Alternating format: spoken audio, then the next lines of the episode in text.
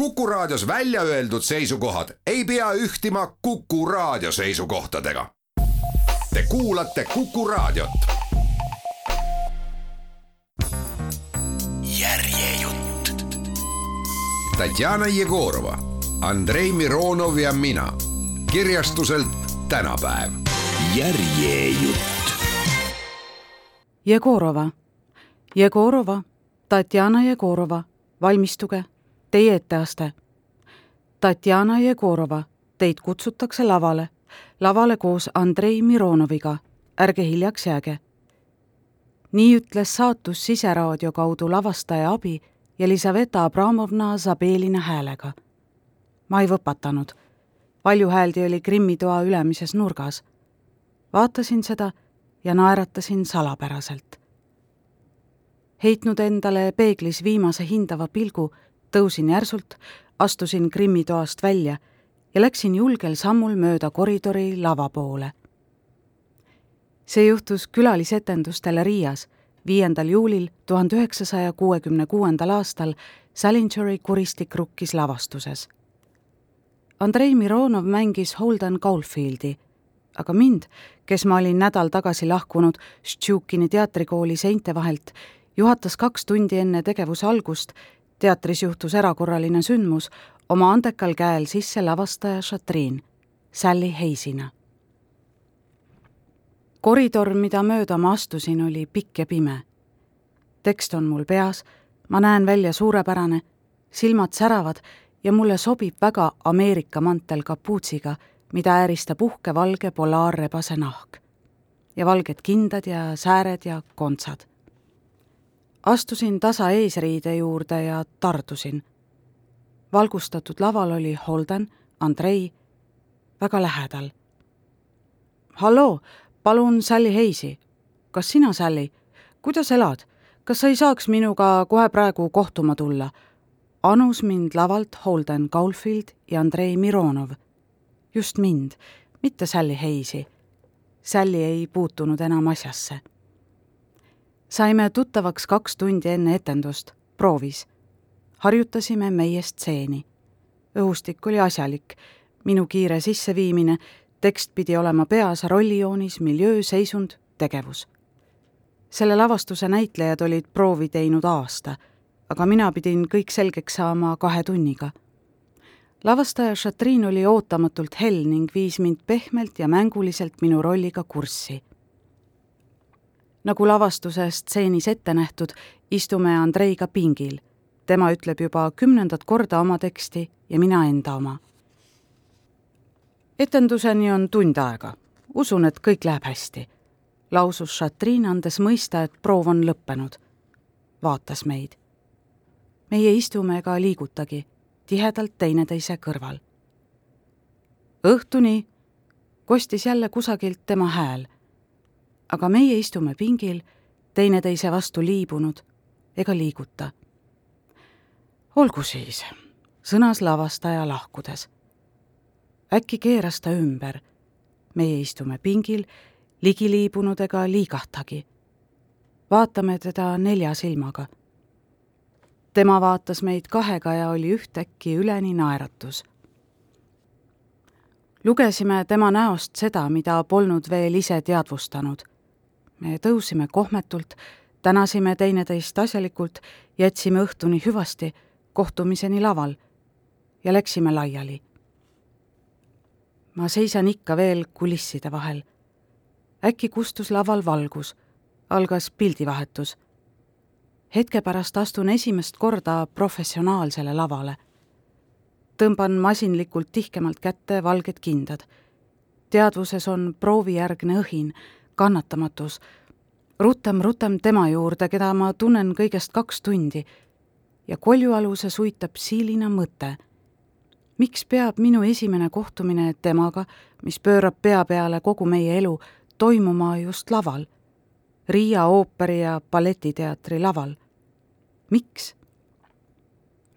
mine, ütles saatus jälle Jelisaveta Abramovna Zabelina häälega valjusti sosistades ja andis mulle müksu selga. ma kukkusin justkui pimedast olematusest valguse kätte ja komistasin pöörase Ameerika poisi otsa, kellel oli peas suure nokaga punane müts, silmad pesusine-sinised. Holden tormas mulle vastu. Sally, kui hea, et sa tulid. sa oled suurepärane. Sally, kui sa teaksid, kuidas ma sind ootasin. Ta oli nii erutatud, et kordas viimast lauset kolm korda, andes mulle mõista, et ta ei oodanud Sally Hayesi mitte näitlejannat, kes mängis Sally osa, vaid mind, inimest, kes oli äkki muutunud talle lähedaseks ja vajalikuks. Sally, Sally, ma olen sinusse armunud nagu pöörane, kordas ta visalt, pigistades mitu korda valusalt mu käsi. see ei olnud enam üldse näidendi järgi. Siinkohal pidin ma tõusma, ta ei lasknud mind lahti. Sally, Sally, ainult sinu pärast olen ma veel siin kui palju kurbust oli tema hääles, kurbust, mis oli peidus kusagil sisimas. stseen ongi lõppemas. minu repliik. ütle ometi, mida sa tahad. tead, milline idee tuli? mul on natuke raha, me võime elada kusagil ojakaldal, talvel ma lõhun kõik küttepuud ise ja puha, kunagi pärastpoole abiellume, küll meil oleks tore olla, kas lähme? tuled minuga kuhu iganes, kinni silmi, seitsme maa ja mere taha, läbistas mu teadvust välguna, aga Sally Hayes vastas. me oleme tegelikult alles lapsed. see oli näidendis. aga elus olime me parimas õitseeas. tema oli kakskümmend viis, mina kakskümmend kaks. Tuled minuga? küsis Holden anuvalt ja surus pea rinnale. kakskümmend üks aastat hiljem samal laval, eesriide taga, sureb ta minu kätel, pomisedes teadvusetult. pea, pea. ja heitnud viimast korda kuklasse pea, pea, milles soon purunes armutult, näeb minu nägu ja kahte silma, milles on armastus, palve päästa teda, mind, meid kõiki. näeb, talletab mällu ja viib mu endaga kaasa. aga siia maa peale jääb hoopis teistsugune Tanjake. ta lahkub teatrist, ehitab maja, hakkab elama ojakaldal ja raiuma puid. just nii, nagu tema oli palunud. ah, Salinger, Salinger, kuidas te tungisite meie ellu? Võõrastemaja Sauliide neljanda korruse numbritoas tunglesid näitlejad. see oli kolmanda kategooria võõrastemaja korrusel olid ühine WC, dušš ja telefon. minu toas, mille aknad avanesid halli kivisoolikasse, mida nimetati hooviks, kus kräunusid ööpäev läbi kassid, turritas seinast saatuse kingitusena vana koorunud valamu kraaniga, millest tuli ainult külma vett. Riia tabas meid oma puhtusega ja põhjamaise arhitektuuri gootiliku romantikaga. see oli meie esimene reis läände esimene kohtumine Läänemerega. turg üllatas lillede rohkusega ja ümmarguste akvaariumidega, milles ujusid vähesoolased kurgid. Natasha ostis roose ja mina endalgi ootamatult jorjaneid, mille suhtes olin alati ükskõikne olnud ja mis hakkavad mind tahtmatult alati saatma kõige olulisematel eluhetkedel neelasime iga päev lähedal asuvas kohvikus mitu portsu vahukoort, jõime konjakit piimaga Riia moodi ja päevitasime tumesinise mere ääres liivarannal. sotsialism sõpradeta on sama, mis kapitalism rahata. Ja ma ostsin sõbrannalt kingad, valged, madala kontsaga T-tähekujulise lehviga. tollal oli kõige populaarsem moeajakiri Poola Kobieta ladusin kohvri põhja korralikult Kobietast välja rebitud lehed, kus demonstreeriti pruutkleite olin pruut ja pulmad olid määratud sügiseks. pulmad on palju öeldud, lihtsalt abielu registreerimine, sest tudengipõlve vaesuses saime endale lubada ainult neljakohalist lauda mõnes kohvikus. selles kohvrikeses olid hambapasta, hambahari, natuke ihupesu, ploki luuleraamat ja jaheroosa kleit, millel olid valged lillekesed rinnal. lillekesed olid põimitud valge siidiniidiga keskel kahvatusinised silmad. tollest samast Kobietast olin näpanud soengu, lühike poisipea, paks tukk laubal, kohev ülaosa. külgedel läksid juuksed kõrvakeste taha ja keerdusid lokina tagasi põsele. miks kõrvakesed? sest need olid kõrvakesed, mitte kõrvad teenelised ja rahvakunstnikud ning satiiriteatri kogu sotsiaalse redeli ülemine pool ööbis võõrastemajas Riiga. seal peatus ka Andrei koos oma sõbra Ussikesega. Nad olid Moskvast tulnud Ussikese autoga. tollel polnud lube ja ta oli teinud volituse Andrei nimele. Ussike, tuntud dramaturgi poeg, oli pärast Arhitektuuriinstituuti lõpetanud stsenaristide kursused ja teda peeti stsenaristiks ringreisid, teater, näitlejannad, selle parooli peale näkkas iga meessoost kala. niisiis, viienda juuli hilisõhtu tähistame esietendust. meie numbritoas on furšettlaud, võileivad, viin, vein. uks aina paugub, keegi astub sisse, keegi läheb välja, kõik lendavad pitsi peale kohale. olen roosas kleidis, lokk põsel ega looda teda täna õhtul näha teda pole. on minu kursusekaaslased, sõbranna Pepita, pikk ilusa nukuliku näoga ja meie psühhopaatiline sõber Bodja. Me kõik imbusime ühel ajal teatrisse nagu noor vein vanasse nahka. Pepita mängis täna esimest korda Pegit kuristikus rukkis. lavastaja oli teda kiitnud ja ta suitsetas sigaretti, sirutanud pikad jalad mõnuga voodil välja. Bodja polnud veel midagi mänginud ta jõi viina ja näris keskendunult endale omaselt küüsi, sulgenud silmad ja plagistades närviliselt hambaid. Olime jõudnud seisundisse, kui võib hakata luuletusi lugema. Natasha astus akna alla ja hakkas lugema Pasternaki Marburgi. võpatasin, lahvatasin, hetkeks vaid, vappusin. nüüd palusin lõpuks ta kätt siis hüppasin mina keskele ja peaaegu laulsin rõõmsas meeleheites plokki. oh lõõtsapill, oh lõõtsapill, sa laula, kilka, süüta, oh kollane sa tulilill, kevadõis ilmsüüta. ja kui jõudsin ridadeni, seal vilega ja pilliga trall Koiduni võib kesta, avanes äkki uks ja ta astus sisse. vaatasime teineteist jahmunult mina ootamatusest, et ta siiski tuli, aga tema seepärast, et sattus tulema just sellel hetkel, kui keerlesin luulelehtris. mul aru kaob, kaob aru mul, armastan kui arutu, et oled öö ja pimedus ja oled joobumus. kallanud kanistritäie emotsioone välja, vaatasin teda kohmetusega. tulin, nägin, võitsin. tal oli selline nägu peas enesekindel, lõbus, oma väärtust teadev. temas polnud jälgegi tollest Holdenist, kelle hääles olid nukrad noodid ja keda olin näinud laval kaks tundi tagasi. Natasha tegi kiiresti uue portsu võileibu ja tekkis teine hingamine. Andrei kopsis kogu aeg jalaga, lüües ainult talle teadaolevat rütmi, kallati jooki, naerdi, kallati jooki kassid soolepõhjas kräunusid nii südantlõhestavalt, et Andrei küsis kuidas te siin magate? Nad reageerivad niimoodi sinule, heitis psühhopaatiline podja nalja. kui sind pole, on siin vaikus majas.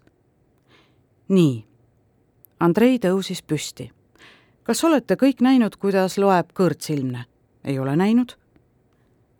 ta võttis öökapilt raamatu paremasse kätte, avas selle ja pani käe raamatuga kõrva taha, kõõritas nina poole ja keeras nappide ajavahemike järel vasaku käega lehti.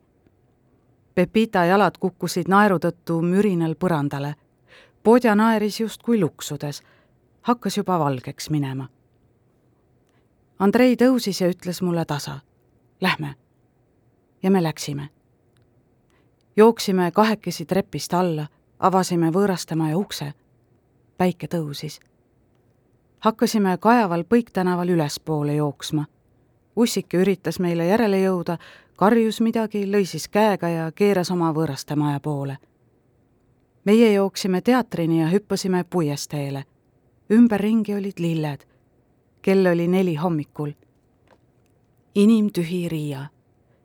ja pajud kiigutasid sujuvalt oma pikki oksi.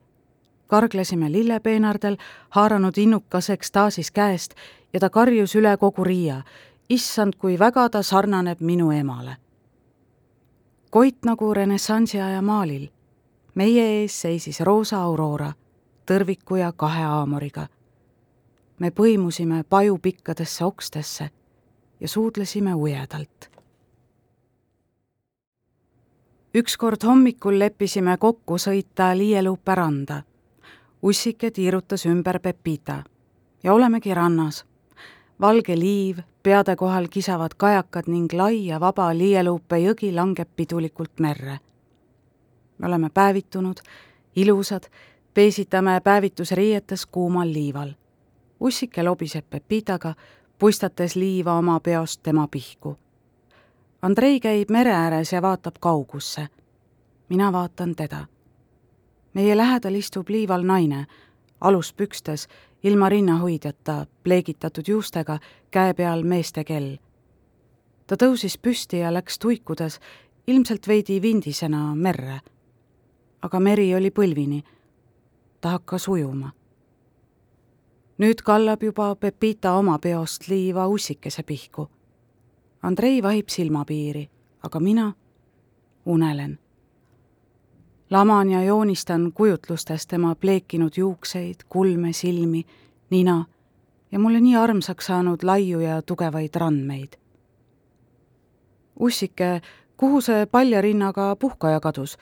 küsis Pepita närviliselt, kõrgendatud häälel. Teda pole juba paarkümmend minutit ei vees ega rannas me tõusime püsti, vaatasime ranna enda ümber üle, otsisime teda pilguga veest, hüüdsime Andreid ja läksime kõik koos mere äärde. naise keha oli kerge lainega kalda äärde ulpinud. uppunu, pistis Pepita karjuma. Andrei pani miskipärast sokid jalga ja tormas minema, otsima telefoni, kiirabi kutsuma. me tõmbasime naise veest välja Ussike ja kohale jooksnud Andrei hakkasid tegema talle kunstlikku hingamist. meie Pepitaga seisime eemal ja vaatasime seda kõike õuduses. saabus kiirabi. naine tunnistati surnuks, pandi kanderaamile, kaeti presendiga ja viidi minema. meie istusime vaikides ja vaatasime Andrei sokke. Neis olid hiigelsuured augud pöörasest jooksust asfaldil istusime autosse halvas tujus ja sõitsime lõunat sööma. tee peal, avades oma pruntis suukese, meenutas Pepita juhtunu üksikasju. mäletate ju, ta läks rinnahoidjata merre ja ulpis rannale, juba üleni sinisena. Andrjuša, kas sa nägid, kui sinine ta oli? potisinine, silmad punnis ja kõigest kahekümne minutiga. Pepita, palun sind, lõpeta peatas Andrei teda pelgliku jälestusega. aga mulle meenus Puškin. isa, isa, kala püüdes kool ja meie võrku jäi. ei no, ussike, Tanja, uppunu on meie silme all, viie meetri kaugusel, seal on vesi põlvini. oi, suu on lahti ja sealt tuleb vett. lõpeta sadismiseanss, katkestas ussike teda kuid Nukunägu jätkas kõikide kaasamist piinavatesse mälestustesse, mis olid nii ootamatult meie ellu tunginud, mälestustesse koledast ja hirmutavast surmast.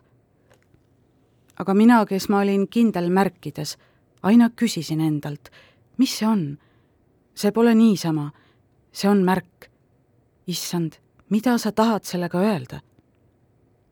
Riia, Riia, võõrastemaja kõrval Bachi tänava nurgal oli väike iseteenindusega kohvik. sõime seal alati Andreiga riisiputru, kotlette ja jõime piimakohvi hiiglaslikust katlast. kohvik oli hale, plastkattega lauakesed peenikestel alumiiniumjalgadel. koristaja käis aukliku niiske lapiga, pühkis meie nina all agressiivselt lauda, juhtudes kogemata oma tööriista otsaga taldrikusse meile tundus see kolmekümnekopikaline lõuna muinasjutulise söömaajana. olime kahekesi ja väikesed tähelepanuavaldused, ta murdis leivatüki ja ulatas teise poole mulle, andsid sellele söömaajale erilise müstilise mõtte. nüüd on selle kohviku asemel luksuslik hotell Montes. hotellis vulisevad kividel ojakesed, ujuvad kalad, omavahel vestlevad mitmevärvilised papagoid, lõhnavad lilled, väljaõppinud ettekandjad küsivad, kas espresso või cappuccino. istume ükskord Andrjušaga tema numbritoas võõraste majas Riiga. joome kohvi. tahad midagi magusat, kooke? tahan, palun.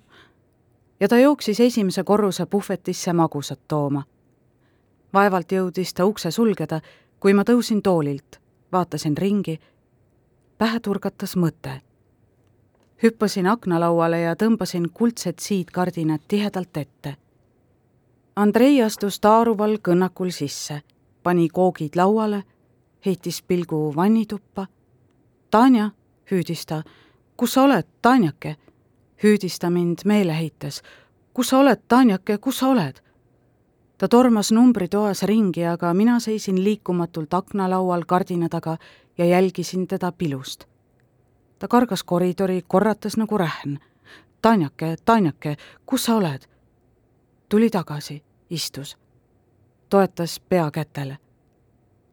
siinkohal lükkasin ma kardinad järsu liigutusega eest tardusin Samotrake Niike poosis.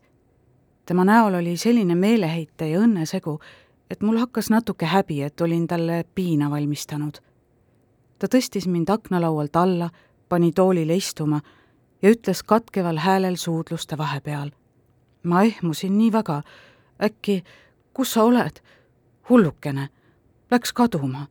mul hakkas niisugune hirm, et ma olen su kaotanud ja ostsin miskipärast koogid loll pea, peamine, et sa oled siin, söö. pärast seda jõime vaikselt kohvi ja sõime kooke. ma kiigutasin jalga jalal, tema keeras vannitoas kraani lahti. Talle meeldis voolava vee heli ja me kandusime mingisse teise mõõtmesse, kus polnud ei mateeriat, ei nais- ega meessugu. meie peale tuli ülevalt ainult meloodia, mis meenutas Bachi muusikat avas mingi valu hingesügavustes, ravis seda ja kadus sama äkki, kui oli ilmunud. teemaja. see lehtla on oma helesinise kupliga ime. Idamaine muusika vuliseb tasa, väikestes taljesse võetud klaasikestes serveeritakse teed ja liual on valge murtud suhkur. istume ümmarguse laua taga kaheksakesi. troopiline kuumus varjus on nelikümmend kraadi. joome juba kümnendat klaasi teed, jalgadel voolavad higinired, läheb jahedamaks. õhtul on kontsert sõduritele. Nende vormipluuside kirbelõhn ja kuidagi eriline aplaus, mis tuleb võimsatest ja karmidest kämmaldest. Aserbaidžaan. Kaspia meri on pleekinud türkiisikarva. vesi on paks, soolane, lained on pringid, laisad meile tuuakse ämbritega kolmekordsed uhhaad, rasvastesse keerdudesse kooldunud tuura ja sevrjuuga tükid, mäed, kuristikud, mägijõed. Ühes kuristikus sattus mu sõbratar näitlejanna jalutades jalgupidi püünisesse. issand, kuidas ta karjus, kedagi polnud läheduses, haarasin ehmunult sellest raudpüünisest ja rebisin selle puruks. jalg oli päästetud sõjaväeosa on stepis lagedal väljal, ei ühtki puud, ümbritsetud okastraadiga. väike ühekorruseline hoone, kultuurimaja. siin anname me kolm päeva kontserte. Akende all tolknevad idamaised suurte mustade silmadega poisikesed, hüppavad kui pallikesed ja kisavad nagu meid narrides. Anaša, anaša, anaša. me ei saa aru, mida see sõna tähendab päeval toimub idamaine kirev kärarikas turg punaste ja kollaste piparde kuhilad, melonid, arbuusid, idamaised maiustused. kaubitsejate niisked ja mustad silmad vaatavad meid kavalalt ja hellalt, pakuvad kaupa, avavad märkamatult valge kaltsu. seal on paberossid. tahad anašaad? proovi anašaa, see on hää.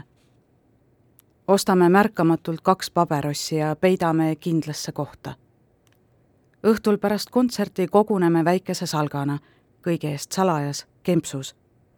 kui mõni pealekaebaja või parteilane saab teada, siis kirjutavad kaebuse, vintsutavad, lasevad lahti. Ja suitsetame ringis anašaad. kui olime lõpuni tõmmanud, läksime välja, istusime trepile ja ootasime kaifi, nagu narkomaanid praegu räägivad. hakkas pihta. meie ette kerkisid imelised nägemused. džunglid, liaanid, palmid, meri ja rõõm laksub lähemale koos lainetega, naer, õnnelik, rumal, narkootiline naer, eufooria. Kuid sellega meie piiridest väljumine ei lõpe. meid kutsutakse veinitehasesse ekskursioonile. ekskursioon algab veinide degusteerimisest, keldrite puitvaatidest, aga neid on sadu. lõpeb, õigemini lainetab, ekskursioon laboris, samuti degusteerimisega, aga kolbidest ja mensuuridest. palavus, lämbus, pakjuse annid, eraldatus Moskvast sunnivad noori näitlejaid degusteerima vastassugupoolt. Ingenue, väliselt minu sõbranna aga selle katte all on võistleja vihkamine ja tegusõna hukutada, mis piinab teda päeval ja öösel. me elame mitmekesi ühes korteris ning ta tõukab märkamatult naeru ja alkoholiga minu poole idamaisest palavusest kihku täis näitlejat. sain õigel hetkel aru ja kolisin korterist otsekohe ära. hakkasin elama sõjaväeosa klubi laval, kus me esinesime. muretus, nomaadlus Aserbaidžaani eksootika, teemajad, melonite, arbuuside mäed, meri, õnnis kuumus rebisid mu lahti Moskva piinadest, tõid tervise ja rahunemise. lamasin päevitununa Kaspia mere rannikul ja andsin endale sõna. mitte sõltuda oma armastusest Andrjuša vastu, vabaneda tema vallutustaktika haardest ja kui ta mind ei armasta, milles ma tugevasti kahtlen, siis seda parem. ma olen vaba uuest hooajast algab uus elu. uus hooaeg, tuhande üheksasaja kuuekümne seitsmenda aasta august. kõik on elevil, ilusti riides. Andrei saabus vuntsidega, istus kõigist eemale ja tundus nukker. puhvetis istus ta minu juurde kahe tassi kohviga. Ta ei suutnud rahulikult näha minu iseseisvust, mu päevitust, minu lõbusust temata ja alustas vallutamise protsessi Lähme Petrovkale, sööme lõunat. ei, ei lähe, tänan. Lähme Volkovile. ei lähe ka Volkovile. aga kuhu sa tahad minna? sinuga ei taha kuskile. milleks? et sa jälle mu maksa nokiks? Tanjake, see on rumal, unusta kõik. Sa pole ju Prometheus. unustada? ei. ma tean, et sa oled kasvatatud inimene ja väga heast perekonnast tead, et ei tohi lifti uksega kolistada, et tuleb vanemad inimesed ette lasta, daamidel kätt suudelda, aga sa ei tea, et on olemas bumerangi seadus. sa saad hukka, kui hakkad teadlikult haiget tegema lähedasele inimesele. seda pole vanemad sulle õpetanud. see on sadism. aga mina ei taha valu. Ütlesin nii ja tõusin järsku lauast. nägin und, surm võttis meid kaht tsiteeris ta retsitatiiviga Kumiljovi, hoides tagasi raevu. haaras mul mõlema käega õlgadest ja surus tagasi toolile. äkki selgitas õrnalt, muutes registrit. mu väikseke, ma igatsesin sind nii väga. silmis on meeleheide. anna mulle andeks, anna andeks, lähme Petrovkale, ostame midagi Budapesti hotelli kulinaariast, joome, sööme, tõin sulle Pärnust kingituse mis sa mulle tõid? Lähme, siis näed, sulle meeldib. oli oktoober. ükskord pärast Don Juani etendust seisis tšekk all riidehoius ja ootas meid Andreiga. no, kas lõbutseme? Lähme sööme ajakirjanike majas õhtust, mina kutsun, sõnas tšekk uljalt. Püüdsime takso ja istusime kümne minuti pärast ajakirjanike maja lauas. ah, kui hästi anti süüa meile toodi kuumad rõngassaiad musta kalamarjaga, silmud kalavalik oliividega, šampanja. Tšekk pani suitsu põlema ja astus lavale. ent mängeldes meredel kiigutab miinilaevaga koos miinilaevatar, liibub kui mutuk meepotile, miinilaevale just miinilaevake. Ta luges Majakovskit, silmad kissis, vahtides mulle otse silma olukord oli kahemõtteline. ta ajas mulle ilmselgelt ligi. kõrval on Andrei, ta pole loll, saab kõigest aru, aga öelda ega teha pole midagi, pole kuskilt kinni haarata. vastupidi, ainult aitäh meile osaks saanud tähelepanu eest. Tšekk jätkas hormonaalset rünnakut. Rääkis kunstnikest, Modiglianist, Bossist, Salvador Dalist. ma kuulasin huviga, pärast hajus mu tähelepanu kuhugi ja ma hakkasin talle peakatteid pähe sobitama. äkki kuulen futurismile, voolule, kuhu kuulus Majakovski, pani aluse Marineti. püha jumal, kui haritud, et meelest ei läheks, Marineti. järgmisel päeval ootas ta, nagu must ronk, meid taas all riietusruumis. sõitsime jälle ajakirjanike majja. ükskord pärast järjekordset õhtusööki kunstnike ja futuristidega astusime õhtul tänavale jalge all sahisesid kollased lehed ja Tšekk teatas mulle Andrei poole vaatamata, nagu teda polekski siin. püüan nüüd takso ja viin su koju, ma sõidan niikuinii Kutuzovskajale. heitsin Andreile küsiva pilgu.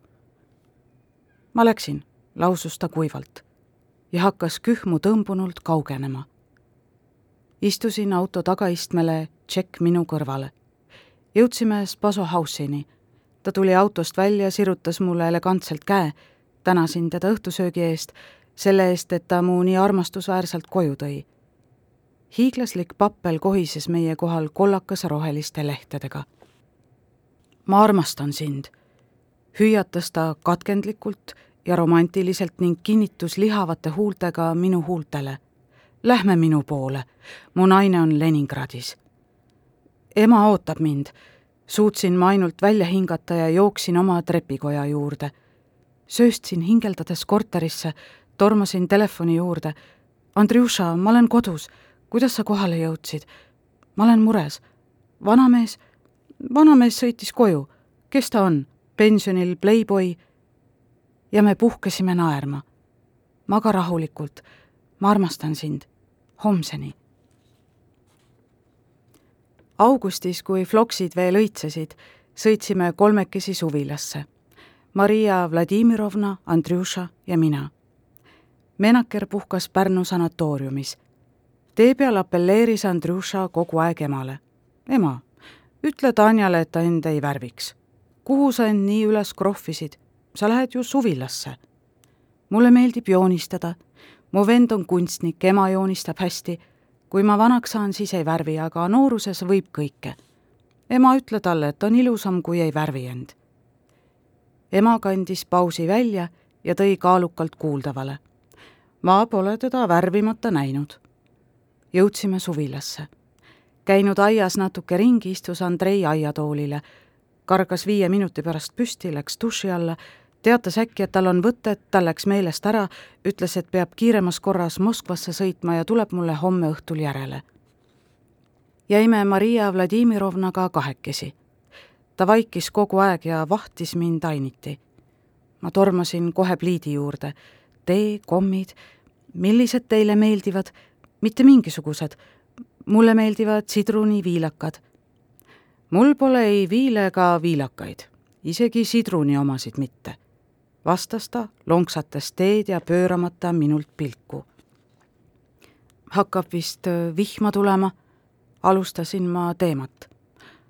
hakkab teie sidruniviilakate peale? kas te istutasite õunapuud ise?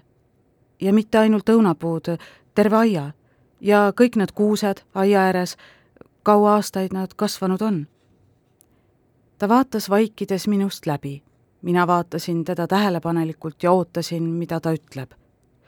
lööge kärbes maha, sõnas ta koolitatud madalal häälel. sest kärbes tema majas on tragöödia mõtlesin kärbest taga ajades, issand, et ma seda kauem kätte ei saaks, et aega surnuks lüüa ja mitte temaga vestelda. kärbes sai maha löödud. Mironova näole ilmus heakskiit. Ta läks tuppa, istus tugitooli ja vahtis vaikides seina. ma istusin lähedusse, ei teadnud, kuidas talle ligi pääseda ja vaikisin samuti. möödus mõningane aeg, kuni ta nõudis jälle koolitatud häälel lööge kärbes maha. ma tapsin kärbse. tema näole ilmus jälle heakskiit.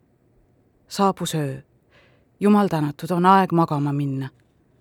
Varahommikul vaevalt oli jõudnud valgeks minna, kui hiilisin korviga majast välja ja läksin metsa seenile. hingasin vaba õhku, laulsin ja tundsin end õnnelikuna. vabanemistunne pärast ränka vangistust. kuidas nad temaga koos elavad? ei saa aru, kui raske ta on arutlesin ma, lõigates rõõmsalt kastemärjas rohus puravikke. jõudsin tagasi, kui ta oli juba üles tõusnud. Ta keerutas verandal pead edasi-tagasi, vasakule-paremale, siis marssis paigal, tõstes põlvi kõrgele ja liigutades energiliselt küünarnukke. ta nägi väga naljakas välja, väike, tüse ja ees turritas võitleja nina. ma arvasin, et te sõitsite ära, ütles ta, jätkates marssimist nähes korvi, jäi ta seisma ja vaatas lapseliku uudishimuga seeni. täna sööme lõunaks seeni, ütlesin ma ja istusin seeni puhastama. tema sättis end eemal sisse ja vaatas seda protseduuri mind silmist laskmata. kui seentega oli asi ühel pool, läks ta tuppa, kavatsedes istuda oma lemmiktugitooli ja vahtida seina siinkohal saabusin mina lapi ja harja ja kausiga ja et seda kavatsust ennetada, teades, et ta on puhtuse hull, tegin ettepaneku. võib-olla istute verandal, tahan siin kiiresti põranda üle tõmmata. Tema silmad läksid ümmarguseks ja ta läks vaikides verandale. õhtul tuli Andrjuša, nägi millimeetrist muutust suhetes ja viis mind Moskvasse. me läksime Engelsile või Ussikesele külla vaidlesime hääled kähedaks poliitikast, teatrist, naasime Petrovkale peaaegu joostes, hoides käest kinni ja Andrjuša rääkis käigu pealt. mul on hea ainult sinuga. mulle pole kedagi vaja.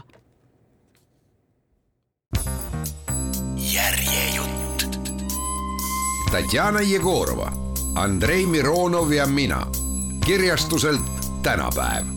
järjejutt